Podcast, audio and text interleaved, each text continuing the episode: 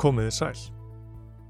Í lok november samþykti borgarstjórn San Francisco í Kaliforníu fylki nýja lögreglu reglugerð með átta atkvæðum gegn þremur.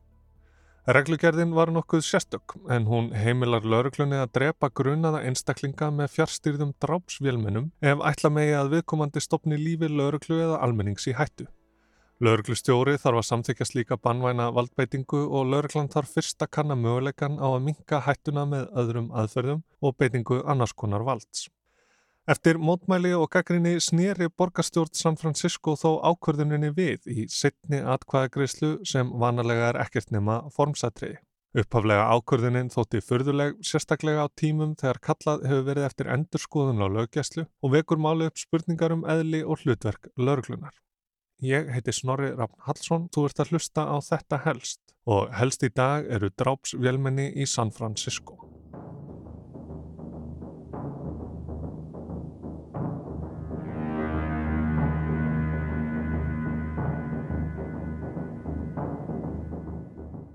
Vísindaskáldsagna Ísak Asimov setti fram þrjú lögmál þjarkatækninar í smásögunni The Runaround árið 1942.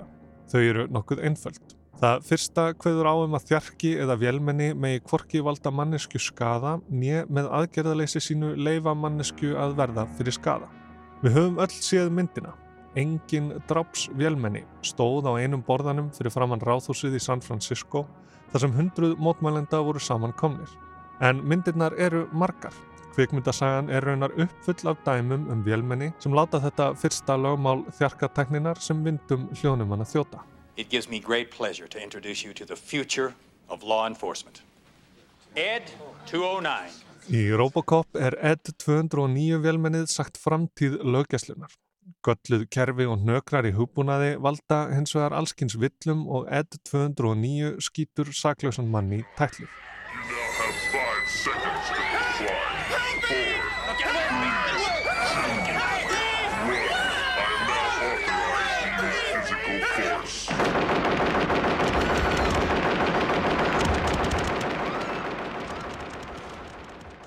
Vélarnar í Matrix hafa tekið yfir heiminn og halda mannkininu fengnu.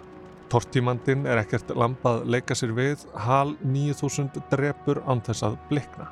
Drápsvélmenni á gödum borga er í senn óhugnaleg og dystopísk sín og það vakti förðu að hinn framsækna borg San Francisco. Í einu frjálslindasta ríki bandaríkjana skildi hafa samþygt reglugerðina um drápsvélmennin til að byrja með. Kalifornia var eitt af fyrstu ríkjunum til að leifa samkynja hjónabönd árið 2009, sex árum áður en aldrikislög þess efnis voru sett og þar hefur kannabis verið leift í læknisfræðilegum tilgangi frá árinu 1996 og síðan 2016 hefur neysla þess varsla og flutningur verið heimil öllum þeim sem náð hafa 21 ás aldri. Lögreglan í Ókland, hinum einn við San Francisco Flóan, dró sína drápsvélmenna reglugjör tilbaka eftir mikla gaggrinni í oktober, en fyrir hans þremur árum tók borgarstjórn San Francisco stort skref og var þeim fyrst borga til að banna notkun andlitsgreiningartækni í löggjæslu tilgangi.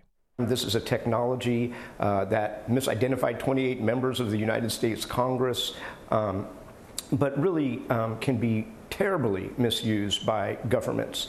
Um, so... Þetta er tækni sem ránglega bar kennsla á 28 meðlimi fulltrúadeildar bandaríska þingsins, en í raun geta yfirvöld misbeitt henni á hreikalegan hátt, sagði Aron Peskin borgarfulltrúi þegar þau lög voru sett. Við viljum setja tappan aftur í andlitsgreiningar flöskuna. Við höfum ótal leiðir til þess að gera samfélagið okkar örgara án þess að þurfa að búa í öryggisríki. Löggjæslan okkar er góð en við viljum ekki búa í laurugluríki. We have very good policing but we don't want to live in a police state and this legislation tries to strike that balance. Ég tel að vegna þess að San Francisco er raunveruleg og tákleg miðstöð tekniheimsins fylgir því ábyrð fyrir yfirvöld á svæðinu. Við berum hlutvalslega meiri ábyrð á að setja regluverk utan um skefjaleysi tekninar vegna þess að höfustöðvar hennar eru hér, bætti Peskins og við. Reglugerðinum drápsvélmennin er tilkomin vegna ríkislaga frumvarps 481 í Kaliforníu sem tók gildi í lok september. Það hveður á um að lauruglan þurfa að leita leifis hjá borgar eða sveitastjórnum fyrir fjármögnun, kaupum og nótkun hverskins herbúnaðar. Fram að þessu höfðu engar sérstakar reglur gilt. Það var í rauninni ekkert sem bannaði lauruglunni að nota vélmenni frekar en bissur ef nöðsinn þótti til að beita bannvænu afli. En það var einmitt Aron Peskin sem upphaflega setti vélmennin inn í reglugjörðina, vildi að þeim mætti ekki beita í bannvænum tilgangi. Lörglan sóttist hins vegar eftir að geta beitt vélmennunum til þess að takast á við ákveðnar aðstæður og félst peskin á það. Upp gætu komið afar sérstakar aðstæður, neyðar ástand sem vart er hægt að ímynda sér, þar sem lörglan gæti vilja beita bannvænu afli í ríkalegum kringumstæðum til að koma í vekk fyrir einhver valdi meiri skada, sagði Peskin. Það vantaði ekki varnaglana í ræðu Peskin, sérstakar aðstæður, neyðar ástand sem vart er hægt að ímynda sér, ríkalegar kringumstæður. En hverjar eru þessar sérstöku aðstæður? Beðni lauruglunar vísaði fyrst og fremst til fjöldamorða og tilvika þar sem skotmaður gengur laus. Þannig myndist aðstóðar lauruglustjórin í San Francisco, David Lazar, á árásina í Las Vegas árið 2017. Þá kom hinn 64 ára Stephen Paddock sér fyrir á 30. og annari hæð Mandalay Bay hotelsins og lifti yfir þúsund skotum af á mannfjöldan fyrir neðan sem fyldist með country tónlistarháttíðinni Route 91 Harvest á Las Vegas Strip. 60 manns litu lífið, yfir 400 aðrir urðu fyrir skotum, álíka fjöldi til viðbótar slasaðist svo í ringulreiðinni sem fyldi. Paddock fannst látin af eigin völdum þegar lauruglan loks komst að hotelherbyggja hans einni og halvri klukkustund eftir að skotriðin hófst. Annað mál sem lauruglan í San Francisco tók sem fordæmi var skotarásinn í Dallas árið 2016. Well, there is a lot of talk tonight about how the Dallas Police Department killed the shooter.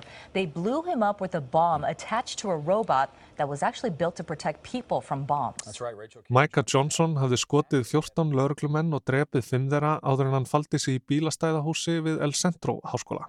Lauruglan taldi að það væri of hættulegt að reyna að ná honum þar og sendi þessi stað fjárstýrt sprengju aftengingar vélmenni inn í bílastæðahúsið. Í þetta skiptið var vélmenni ekki notað til að aftengja heldur sprengja sprengju við fætur Johnsons og drepa. The president of the California Association of Tactical Officers told me over the phone today that deploying a robot as a weapon is unprecedented, but the concept isn't new. He said during his time at the LA County Sheriff's Department, they talked about and actually practiced this scenario 20 years ago. They just never used it. But he said he's glad Dallas police did. Hugmyndin er sem sagt ekki nýja af nálinni, en þetta var í fyrsta skiptið sem laurugla í bandaríkunum beitti með. Og nú vildi lauruglan í San Francisco geta endur tekið leikin ef með þyrti. Skotarásir sem þessar hafa orðið sífælt algengari og alvarlegri í bandaríkunum, sæði lauruglustjórin William Scott. Hver sá sem heldur að San Francisco sé ónæm fyrir þessum óhugsandi harmleikjum hefur ramt fyrir sér. Engin reglugerð getur séð fyrir allar þær hugsanlegu aðstæður eða sérstöku kringumstæður sem lauruglufólk getur lendi í. Við verðum að vera tilbúin og hafa getuna til að breyðast við á réttan hátt. Við megum ekki vera takmörku í því hvernig við getum bröðist við þegar og ef hefur versta sem hugsast getur á sér staði í San Francisco. Exterminated! Exterminated! Exterminated! Því skal haldið til að haga að velmennin sem umræðir eiga lítið skilt við þau sem við þekkjum úr bíómyndum og að málið snýrist ekki um að kaupa ný velmenni heldur fá að nota þau sem þegar voru til. Lauruglu yfirvöldum í San Francisco telst til að þau hafi yfir að ráða 17 velmennum sem myndu henda í svona verkefni, velmenni sem þau egnuðust á árunum 2010 til 2017. Þessi velmenni eru fjárstýrð, ekki sjálfstýrð og taka þar að leiðandi engar ákvarðanir sjálf. Þau eru búin sprengjum, ekki skotvopnum og þeim er ekki ætlað að koma í stað lauruglu þjóna, heldur vera hluti af vopnabúri lauruglu liða. Vopnabúrum sem raunar fara sístækkandi á sama tíma og kallað hefur verið eftir meira eftirliti og breyttri aðferðafræði í lögjæslu. Þegar Ronald Reagan stopnaði til stríðsins gegn eiturlifjum á sínum tíma fór hann þess að leit að herin tæki þátt í því. Meðvitaðir um eigið hlutverk neituðu yfirmenn hersins að taka þátt í aðgerðum í heimalandinu. Útkoman varð svo að lauruglan er farin að líkjast hernum í síöknum mæli. Frá árinu 1990 hefur varnarmálaráðinleiti bandaríkjana haldið út í löggæslu stuðningsdeilt en verkefni hennar er að flytja umfram hergögn sem ekki eru í nótkun til lauruglusveita. Uh, but basically, the Pentagon has been giving away surplus military equipment to police departments across the country. And, you know, a lot of it's sort of innocuous items like office equipment and, you know, computers and so forth. Mikið af því er hættulegs búnaður, skrifstofu húsgögn og tölfur, sagði blagamæðurinn Radley Balko í viðtali við Vice eftir morðið á Michael Brown og óeirðirnar í Ferguson, Missouri árið 2014. A lot of it is guns and tanks and helicopters and grenade launchers and... En mikið af því eru byssur, skriðdrekar, þyrlur og sprengjuvörpur. Þegar þetta blandast allríki styrkjum til eiturlifja lögjæslu verður útkoman oft undarleg. Settu í fótspor lauruglustjóra. Þú hugsar með þér, við erum með allan þennan flotta búnað, við getum alltaf stopnað sérsveit, því allir aðrir eru með sérsveit. And now you can keep your SWAT team in reserve and wait for one of the emergency kinds of situations where a SWAT team is appropriate, like a shooter situation or bank robbery or hostage taking, which probably isn't ever going to happen in your town. Uh, or you can start sending your SWAT team out to serve drug warrants and start generating revenue for your police department, both through these federal grants and through asset forfeiture programs. Þú getur látið sérsveitina býða eftir alls konar neyðarástandi þar sem sérsveit á við, skotárás bankaráni eða gíslatöku sem er líklega aldrei að fara að gerast í bænum þínum eða þú getur sett sérsveitina í að framfylgja handtöku og leitartilskipunum og aflað tekna með þessum styrkjum eða egna upptöku. Það sem við hefum séð er ótrúleg fjölkun á sérsveitum og sérsveitar aðgerðum um allt landið, frá nokkur hundruð á ári undir lok 8. áratögarins til um það byrj 50.000 árið 2005 þegar síðast var talið.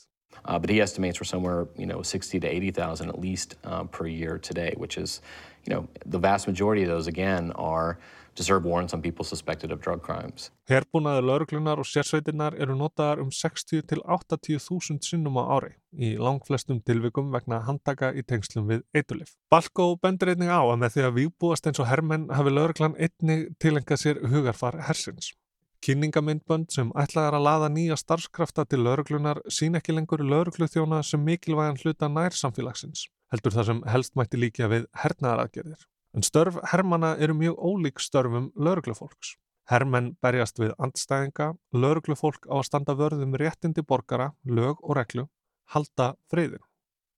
Borgarfulltrúin Hillary Ronan sem greitti atkvæði gegn reglugerðinni sæði að sem foreldri hefði hún stundum áhyggjur af skotárásum, sérstaklega í skólum. En hinn nýja reglugerð opnaði öskju Pandóru og nótkunn lauruglu á vélmennum yrði að normi.